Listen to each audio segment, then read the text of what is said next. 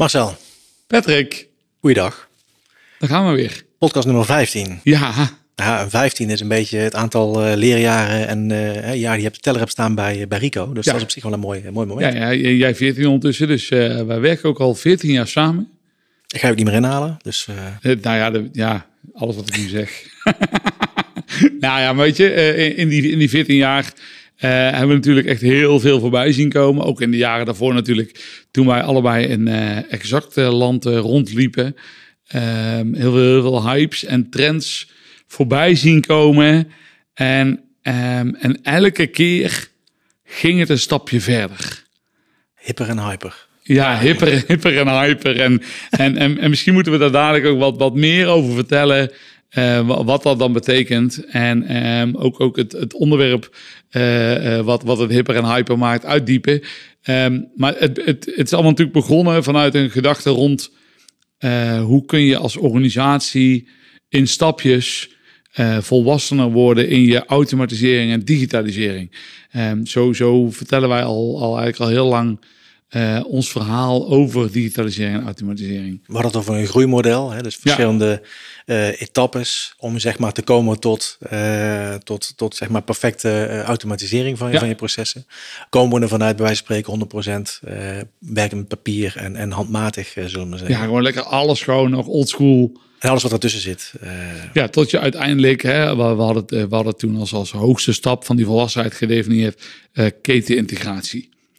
En, eh, en daartussen had je dan hè, dat je van, van, stap, stapje voor stapje eh, ging, ging zorgen dat je nou ja, digitaler werd, eh, met meer vanuit processen en workflow ging werken. Ehm, en als, als organisatie, maar ook als, als op afdelingsniveau of op, zelfs op mensniveau, moest gaan nadenken over die digitalisering. Wat brengt het mij? Wat brengt het mijn afdeling of mijn organisatie? En kan ik daarin mee? ja. Want, want niet ieder mens eh, of afdeling of bedrijf gaat in hetzelfde tempo eh, als het gaat om digitalisering. Elk bedrijf heeft ook een ander instapniveau, zeg maar. Om te kijken naar van, van waar begin, vanaf waar begint mijn reis, zeg maar, richting, laten we zeggen, ketenintegratie. Ja, ja we, zijn, natuurlijk bij finance al, al eh, best wel vroeg eh, mede ingegeven door financiële applicaties en, en later ERP. Dat zij al best wel vergaand waar, bezig waren met automatisering, eh, met, met boekhouden. Eh, hè, dat zoals toen dat tijd in Exact. Waren we eigenlijk natuurlijk al bezig met een stukje eh, ja, automatisering van processen. Ja. Eh, Is het er eigenlijk mee begonnen? Of zeg je van, nou ja, in beginsel automatiseerden we wat meer taakjes of activiteiten, zeg maar. Ik bedoel, Ja, ik denk dat we, kijk, eh, ehm, ehm, in de jaren tachtig zijn we begonnen met ERP. En ehm, dat was natuurlijk gedacht vanuit een stukje verbetering van je logistieke eh, stappen en je productieproces. Ehm, en had niet te maken met digitalisering, maar vooral automatisering. Ehm, dus we gingen eigenlijk taken en activiteiten automatiseren. Dat deed je op de werkvloer, deed je dat natuurlijk al met, met robotjes in beginsel en met een lopende band. ja. En, en eigenlijk met ERP gingen we taken en activiteiten automatiseren nou ja, op de werkvloer eh, vanuit, vanuit een, een administratieve gedachte. Dus de taak en de activiteit klinkt relatief klein. Is misschien ook makkelijk, relatief makkelijk om te, om te automatiseren, zullen we maar Ja, zeggen. maar ik- denk ook dat het to- toen was het al heel wat als je dat kon Als je automatiseren. dat automatiseren. Maar goed, een taak en een activiteit is vaak onderdeel van een groter eh, proces. Zo moet je het, eigenlijk, zo moet je het Ja. eigenlijk zien. Hoe zie je dat? Of hoe heb je dat Nou ervaren? ja, ik, ik vond zelf altijd dat, daar hebben we natuurlijk ook meegewerkt, of al gemerkt in ons werk en Rico-leven, dat in die tijd, eh 15 jaar geleden, begonnen we eigenlijk veel meer te kijken al naar processen. Dus we hebben bijvoorbeeld een, een, een, eh, een onboardingproces binnen HR hè, van een nieuwe medewerker. Eh, dus dat, daarin zitten, als je daarover gaat nadenken, heel veel taken en activiteiten. Ja. Dus dan, eh, dan moet hij moet aangemeld worden bij IT. Hij moet een, een, een toegangspas krijgen. Er moet misschien een telefoon geregeld worden, een laptop. toegang tot systemen geregistreerd worden bij de salarisadministratie. Nou, noem al die taken maar op. Maar als totaal is dat het proces van onboarding. Ja. En op een gegeven moment zijn we niet gaan kijken naar al die taakjes. Oké, je hebt het onboardingsproces. Hoe zit dat nou in elkaar? En hoe gaan we dat nou eh, slimmer maken en eenvoudiger en automatiseren en digitaliseren? Het suggereert dat het nog, dat het nog een, stapje, een stapje meer kan, uh, Marcel. Nou ja, wat, we, wat wij denk ik, jij en ik, maar ook een aantal van onze collega's, wat wij al heel snel zagen is dat de, de, sommige processen zijn best complex. Uh, soms gaan ze al een beetje over een afdeling heen. Uh, of moet je er collega's bij betrekken. En um, ja, dan, dan zie je dat je meerdere uh, technologieën of meerdere oplossingen voor automatisering nodig had. om te zorgen dat je dat proces voor elkaar kreeg. Ja, misschien ook meerdere systemen, maar ook meerdere mensen natuurlijk ja, daarbij. Dus precies. het wordt groter en complexer als het ware. En, en, en, dat noemden wij op dat moment, dat was een jaar of vijf geleden denk ik, Combination of Things. COT. Ja, COT. En een beetje Internet of Things, maar dan, dan, dan een combination. ons sausje. Ja, ja, ja. Dus dat was al, dat was al een, een, een, een, een, een meer geavanceerdere, hoe zeg je dat, kijk op, uh, op automatiseren, zeg maar. Ja, en, en um, dat, dat, dat, dat, dat combination of things, dat, dat, dat lijkt nu geëvolueerd te zijn naar een, een nieuwe hippe term. Zal ik hem... Uh... Ja, zeg het maar. Gooi het eruit. Hyperautomation. Hyperautomation. Dus de word, de word is out. Hyperautomation. Ja. Als je erop googelt en, en je kijkt, dan vind je daar heel veel uh, informatie over. Ja, dus we gaan, we gaan het er eerst even over hebben. Uh, wat het nou volgens de, de, de, de, de, de verschillende nou ja, mensen, uh, websites, noem het allemaal op. En een beetje ook wat we zelf hebben zitten kijken. Wat is het nou eigenlijk? Ik vraag me af, eerlijk gezegd Marcel, van is het nou daadwerkelijk iets, iets nieuws? Of is het iets wat er eigenlijk al nou ja, ik vind, dat, ik vind dat iets wat we dadelijk echt wel eventjes met elkaar moeten kijken. Uh, kijk, um, er is geen tooltje hyperautomation. Nee, het is niet een, een, een tastbaar, uh, een tastbare asset of, of iets van software. Nee. Dat, dat is het niet. Nee, het is denk ik meer een, um, een gedachtegoed. Strategie, zou het zo kunnen? Ja, strategie vind ik ook wel, uh, weet je, het is, het is een manier om anders naar processen te kijken. Wat is er dan anders vanuit die hyperautomation gedachte dan voorheen? Want je pakte al een, een proces beet, zullen we maar zeggen. Maar hoe... Nou ja, weet je, de, we zeiden net al, de, we hadden combination of things. En daarin gingen we eigenlijk al technologieën combineren. Ja. Nou, dat doet hyperautomation ook. Um, wat hyperautomation uh, in basis anders doet, denk ik, nou, ook daar kun je over twisten natuurlijk, is dat het um, veel meer gaat over het end-to-end proces. Oké. Alleen, wat is dan het end-to-end proces? In ieder geval in een, in een soort van keten uh, gedacht. Dat kan zijn binnen je organisatie, maar het kan ook zijn met leveranciers of met, met klanten. Ja, dus ik denk dat, of... Ik denk wel dat dat vanuit, vanuit strategie dat je zegt van met hyperautomation ga je misschien ook wel veel eerder nadenken naar partijen in de keten. Hè? Je andere afdelingen waar je misschien nu wat meer afstand tot hebt.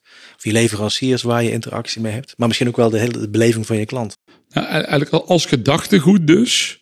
Denk ik dat het, dat het ook mooi aansluit bij wat we met uh, Zoe van Milo hebben besproken. Ketenaanpak. Uh, ketenaanpak inderdaad. Ja. ja, want weet je, de, uh, als je het als gedachtegoed ziet. Ja, dan, dan denk ik ja. Ja, dat heeft daarmee te maken over de silo's heen kijken. Ja. Uh, dus, dus daar zie ik het wel. Dus, en um, dan, dan is de vraag, maar oké, okay, maar wat, wat is hyperautomation dan wel als het geen toeltje is? Ja, een gedachtegoed, oké, okay, maar, maar hoe kan ik het vastpakken?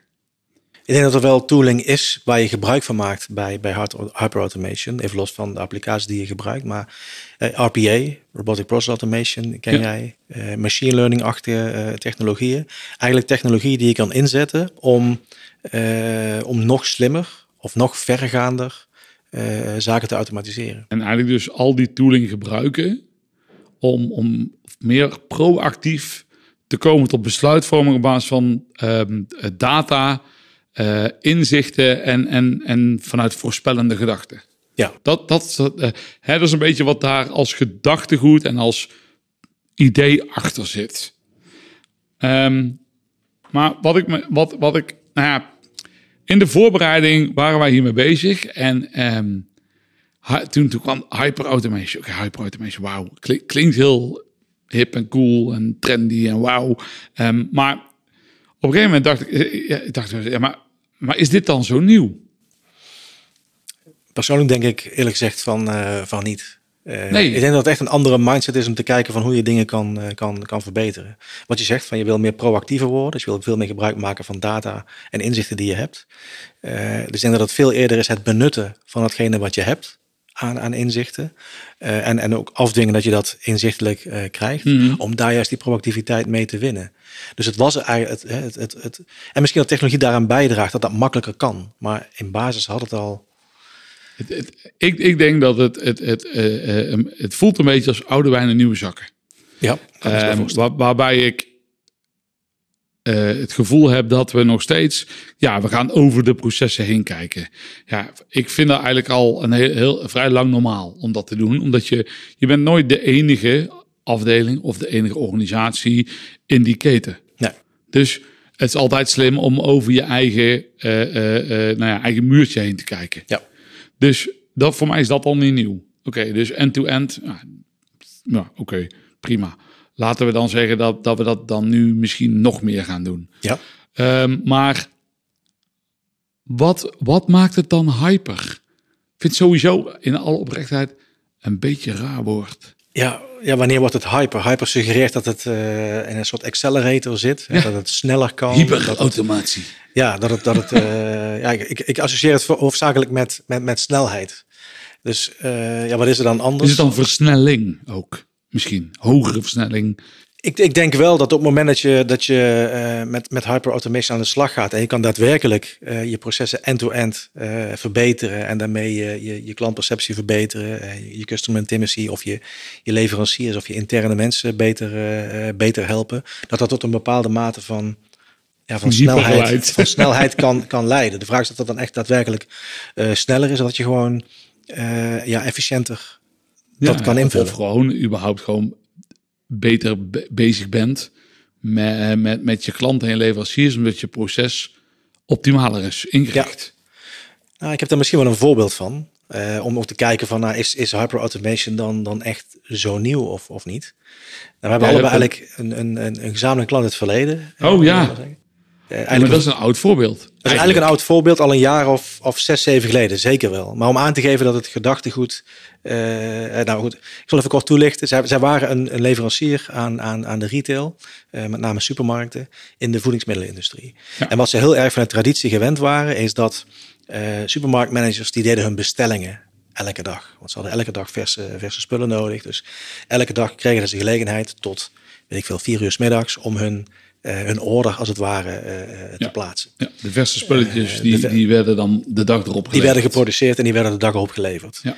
Het risico was dan, als iemand dan net om vijf over vier zijn, zijn behoefte eigenlijk aangaf, dan moest je eigenlijk voor de hele dag en voor de hele dag moest je eigenlijk alweer je, je planning gaan, gaan herzien. Dus je was afhankelijk van de input die werd geleverd vanuit je, vanuit je klant. Ja, dus als, als ze te laat waren, dan, dan, dan moet jij gewoon opnieuw beginnen met je hele productieplanning. Juist. En dan weet je net als ik dat er altijd weer mensen zijn die weer te laat zijn, waardoor je uiteindelijk weer een Ja. uur later kunt plannen. Ja. Wat druk zet op je, op je productie. Ja, Wat ze op een gegeven moment gingen, gingen vragen aan die winkeliers is van, hé, hey, maar waarom, op basis waarvan bestel je nou daadwerkelijk? Mhm. Nou, toen gaf zo iemand aan van, nou luister, ik bestel eigenlijk hetzelfde als de vorige dag, maar soms een beetje meer, soms een beetje minder. ja want de zon gaat wel of niet schijnen. Of de zon gaat wel of niet schijnen, het is wel of geen weekend, het is wel of geen Pasen of kerst of noem maar wat. Hè. Dus dat waren wat factoren die hun een beetje in een richting konden geven van wat ze nou daadwerkelijk wilden. Maar eigenlijk zei die klant dus van, I don't know. Het was eigenlijk gebaseerd op onderbuikgevoel. Het was eigenlijk gebaseerd op onderbuikgevoel, wat zorgde voor heel veel eh, dingen die te veel werden besteld. Dus dat was niet echt goed eh, smart eh, ingericht. Nee. Totdat eh, onze klant eigenlijk aangaf van misschien weten wij wel veel beter wat die klant nodig heeft. Want wij kunnen gewoon jarenlang aan transacties en orders analyseren. Dus misschien is het wel een, soort van beddenschap om te zorgen dat wij gewoon aan die klant kunnen vertellen van wij weten veel beter wat jij nodig hebt, nadat we dat aan jou gaan vragen. Gebaseerd op die, die tien jaar data die er eigenlijk al was. Ja. Eh, wetende dat er in, eh, in november altijd eigenlijk binnen een bepaalde trend, zal ik maar zeggen, besteld werd. Het is in ieder geval kennis die die Die supermarktmanager niet had. Nee, en die werd ook niet gebruikt tot op heden. Nee, dus er werd een pilot afgesproken met een aantal van die partijen van luister, laat ons nou gewoon jou beleveren naar ons inzicht op basis van de kennis en trends die we in het verleden hebben gezien.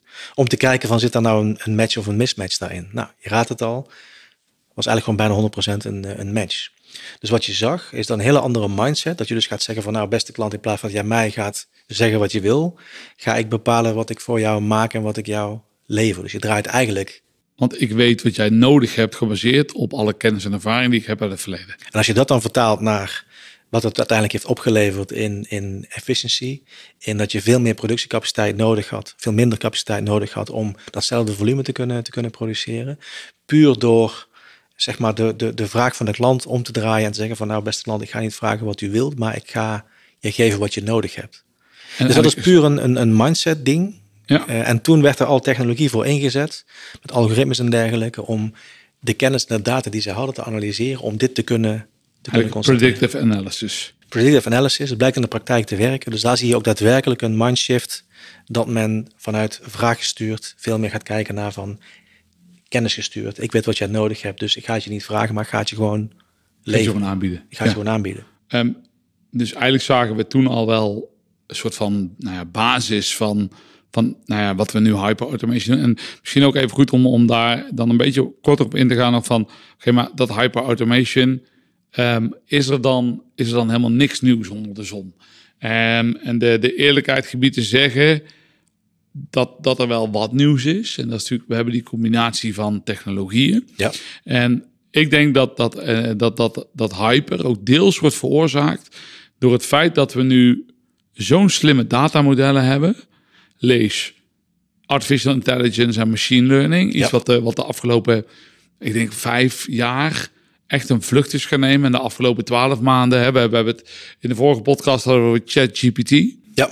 Um, dat, dat is iets Twaalf maanden geleden um, wisten een handjevol mensen hiervan. En nu praat iedereen erover, omdat daar een stukje, ja, hele, hele, heel veel rekenkracht achter zit. Waardoor het lijkt alsof um, um, ja, die, die, die, die, die robot, zal ik maar zeggen, zelf kan denken, zelf kan formuleren. Dus ik denk dat door AI en machine learning, dat, als we dat toevoegen aan die set van systemen en oplossingen die we al hadden. En data en data inderdaad. En daar dus ook die analyse door AI veel sneller op kunnen maken. Het, dat dat zorgt voor dat stukje hyper. Dat je daardoor soort van in die hockeystick terecht kunt komen om te versnellen. Ja, ik denk dat je veel meer uh, slimmere tooling hebt om, om die data uit het verleden te interpreteren. En daaruit uh, patronen of misschien zelfs wel gedrag te, kunnen, te kunnen zien. Ik, ik zie ook wel een beetje een, een, een vergelijk met, met een jaartje of tien geleden hadden we het heel veel over kennismanagement. Ja. eigenlijk het vastleggen van kennis in systemen. Uh, zoals die, zodat we het konden borgen vanuit de organisatie. Kon, kon, kon kennis van mensen zijn, kon kennis op documenten zijn, kon data zijn. En dat eigenlijk slim gebruiken om veel beter de, de, de, de, mensen en resources in te zetten die we hebben. Ja. Hè, en ik denk dat dat, dat ook weer een onder. Als we, en, het lijkt alsof hyper-automation eigenlijk dat allemaal bij elkaar pakt. En dat we dat nu onder één term hangen waarbij we het slim laten samenwerken om end-to-end procesautomatisering voor elkaar te krijgen. Ik denk dat met kennismanagement je zet ook heel erg is van, van dingen uh, meten en daardoor weten, inzichtelijk krijgen. Uh, en dat ook vanuit een ja, gedragscomponent of predictive uh, ja, aan jezelf te presenteren. Want je, je kan op basis van die kennis die je hebt, kun je dingen zien aankomen. Alleen nu, nu heb je dat misschien niet zo ingeregeld, maar je, je kan daar inzichten in krijgen die je eigenlijk kan weten als je dat goed automatiseert. Uh, en dat stelt je gewoon in staat om daar veel proactiever mee om te gaan, dan dat je daar reactief mee ja, geconfronteerd wordt, als het ware. Het vraagt dus een verandering in hoe je hoe je, je systemen inzet. Ja. En hoe je ze slimmer samen inzet, laat ik het maar zo stellen. Ja. Maar ja, dat is, dat is technologie. Maar ja, we hebben het daar in een andere podcast ook al over gehad. Je moet ook zorgen dat de mensen dan wel mee kunnen en willen veranderen. Dus je moet daar wel, ja, denk ik, heel bedacht op zijn dat alleen die technologie toepassen niet voldoende is. Het is ook een beetje een, een, een, een ja, culturele verschuiving of een, een mindset verschuiving, zeg maar. Dat je vanuit dat gedachtegoed van end-to-end, of hè, goed voor mijn klant, of goed, goed voor mijn leverancier, goed voor de organisatie, om dat ook daadwerkelijk bij mensen uh, te triggeren. Om vanuit die, vanuit die optiek te kijken naar het slimmer automatiseren. Ja, en misschien, misschien ook even, hè, want als we kijken naar de, de, de, ja, de, de verschillende modelletjes van de, van de um, hoe zeg je dat, de, de, de, adviesbureaus in deze wereld, zou ik maar zeggen. Hè, dan dan um, hadden we een, een tijd geleden hadden we intelligent automation. Ja. En die, die was relatief taakgericht. Taakactiviteit gericht. Ja, eh, toen kwam robotic process automation. Het, woordje zit er al in. Uh, meer vanuit een, al een procesgedachte. Vaak nog wel ook taakgerelateerd. Een robotje kon snel iets, iets doen, iets opzoeken of iets uh, valideren. En, en, we zien nu eigenlijk dat we um, die, die, die, die volledige aanbod en technologieën gaan inzetten. Um, waarbij we veel meer over die processen heen gaan kijken. En dat noemen we dan hyperautomation. Ik denk dat de term hyperautomation ook heel sterk voorkomt uit de producenten van RPA met name, die ook aanvoelen van luister, dit is een soort van next level-achtig. Uh, achtig, uh, we hebben nou robotic process automation wel gehad, we moeten iets nieuws vinden. We moeten weer iets verder daar. Mogen we dat zo zeggen? Ja. Zo voelt het wel een beetje. Nee, maar goed, het gedachtegoed ondersteun ik wel. Ik denk dat het echt wel waardevol kan zijn om, uh, om, om hyperautomation, om dat gedachtegoed in te zetten. Ja. En daarop te sturen in verbetering van je proces. Om meer waarde voor je klant bijvoorbeeld te, te willen, te willen nastreven. Oké, nou, dus we zijn het er ondertussen wel een beetje over eens dat het als gedachtegoed en vanuit meer strategische gedachte uh, kan je echt verder helpen. Ja. Um, hoe ga je toepassen in finance? Ja, moet toch even een beetje terug naar, naar, een beetje... naar, naar, naar onze. Ja, ik denk dat het, dat het uh, ik denk dat als voorbeeld van hebben bijvoorbeeld uh, compliance. Uh, er zijn denk ik heel veel taakjes die te maken hebben met, met compliancy. die nog heel veel handwerk vergen, die je ook misschien veel beter in workflows kan, kan automatiseren. Zodat het proces in ieder geval makkelijker afgedwongen wordt door de mensen die het moeten uitvoeren. -hmm. Ja, sowieso. En, en, en, en eigenlijk in dat verlengde kun je ook je, je, je, je data governance verbeteren. Ja. Uh, want je, je, je, je data management, hè, dus de, de invoer, de opschoning, de analyse, um, die, die gaat eigenlijk op deze manier, ja, kun je dat, dat veel makkelijker voor elkaar krijgen. Kun je dat veel meer dus automatiseren ook. Uh, waardoor je ook zeker weet dat de, de, de data die je hebt, dat die ook correct is. Dat die is bijgewerkt. Um, dat je dus met z'n allen ook zit te kijken naar de juiste data. Data wordt gewoon steeds belangrijker. Dus de kwaliteit van je data is inherent verbonden aan, aan de kwaliteit van je analyses. En daarmee ook je, ja, je kwaliteit van je productiviteit, zeg maar. Um, wat ik zelf uh, nog wel, wel mooi vind, um, customer due diligence. Uh -huh. um, ik kan me herinneren, een paar jaar geleden, toen moesten accountants, die kregen opdracht om nou ja, zeker te weten dat de bedrijven waar ze zaken mee deden, dus eigenlijk met hun klanten, ja. moesten zeker weten dat die, dat die nou, die, die klanten schoon waren. Mag, zo mag je denk ik wel noemen. Hè? Dat zij geen illegale activiteiten deden. Uh, dat zij uh, bijvoorbeeld niet zaten in, in uh, wapen, wapens fabriceren, dat soort zaken. Witwasachtige praktijken. Ja. En ehm, ik kan me nog... nou ja, dat, dat, dat was er nou ja, niet opeens, maar voor het gevoel wel. Um, en toen was het, maar dat kost dus heel veel werk. Want dan moet je dus echt van een desk research gaan zoeken naar wat, wat, wat, wat doen ze dan? Wat, voor, wat doet die klant? Kan ik daarop vertrouwen? En uh, wat wel echt super mooi is, want toen zijn we al gaan nadenken voor een paar klanten van oké, maar hoe kunnen we dit proces nou, uh, wat heel simpel lijkt, maar best complex was, uh -huh. uh, automatiseren. En dat door de inzet van, van een aantal verschillende toolings, um, wat dus eigenlijk een stukje hyperautomation is, zijn we gaan kijken naar robots die uh, eigenlijk het, het, op het web op zoek gaan naar informatie over die organisatie. Hoe is die opgebouwd, et cetera, et cetera. Uh, in combinatie met een stukje uh, analyse gingen we die informatie opslaan in een document management systeem. Ja. Daarin werden workflows getriggerd om te verrijken ja. en aan het einde van de rit een beoordeling te doen. Ik denk dat we nu, dat, dat hebben we toen gedaan en, en eigenlijk zou je daar nu um, vanuit een stukje meer AI-gedachte kunnen, aan te kunnen toevoegen dat die beoordeling al deels eigenlijk automatisch gaat worden gedaan. Dat, dat de tooling als suggesties geeft van hey, dit is, uh, dit is Kijk oké. Okay. hier nou, maar dit is niet helemaal lekker, bij wijze van. Ja, ja. Dus je kan meer kijken naar uitzonderingen, of zeg je dat? Uh, naar, naar uitval in je proces dan zozeer de, ja, de regel, als het ware. Ja, ja hij, kan, hij, kan, hij, gaat de, hij gaat zien waar de afwijking zit. Ja, belangrijke signaalfunctie uh, ja. daar, daarvoor. Ja. Kijk, ik denk ook in het algemeen voor uh, de, de, de, uh, het doen van audits. Op het moment dat je um, je proces integraler end-to-end bekijkt en transparant krijgt, ik denk dat je ook veel makkelijker te auditen bent. Ja. dat je gebruik maakt van, van audit trails in, in de diverse applicaties die je gebruikt, om te kunnen zien van hey, wat is nu de reis die die informatie of dat document of, of de, die, die order heeft doorlopen in je, in je, in je organisatie. Ja, en eigenlijk dus uh, daarmee eigenlijk ook automatisch een veel optimalere samenwerking krijgen met klanten en leveranciers. Uh, dus, dus bijvoorbeeld leveranciersmanagement, hè, slim automatiseren van je, van je processen met je leveranciers. we hebben het al vaak over e-invoice gehad, maar denk ook eens aan e-ordering, waardoor statussen van orders op en neer kunnen gaan. En je eigenlijk continu weet, zoals wij dat ook gewend zijn van een bol.com, waar is die order? Ja, waar is die in het proces?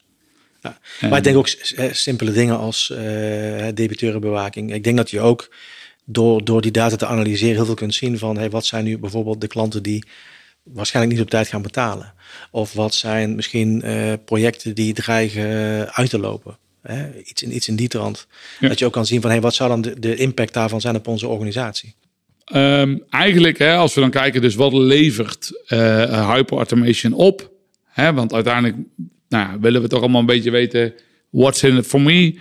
Dan, dan, dan zul je zien dat een aantal dingen eigenlijk wel hetzelfde zijn als we al een tijdje rondom digitale transformatie roepen. Dus kostenefficiëntie. Uh, we kunnen veel makkelijker afwijkend gedrag en uitzonderingen uh, identificeren. Doorlooptijden van processen uh, ja. kun, je, kun, je, kun je verkorten.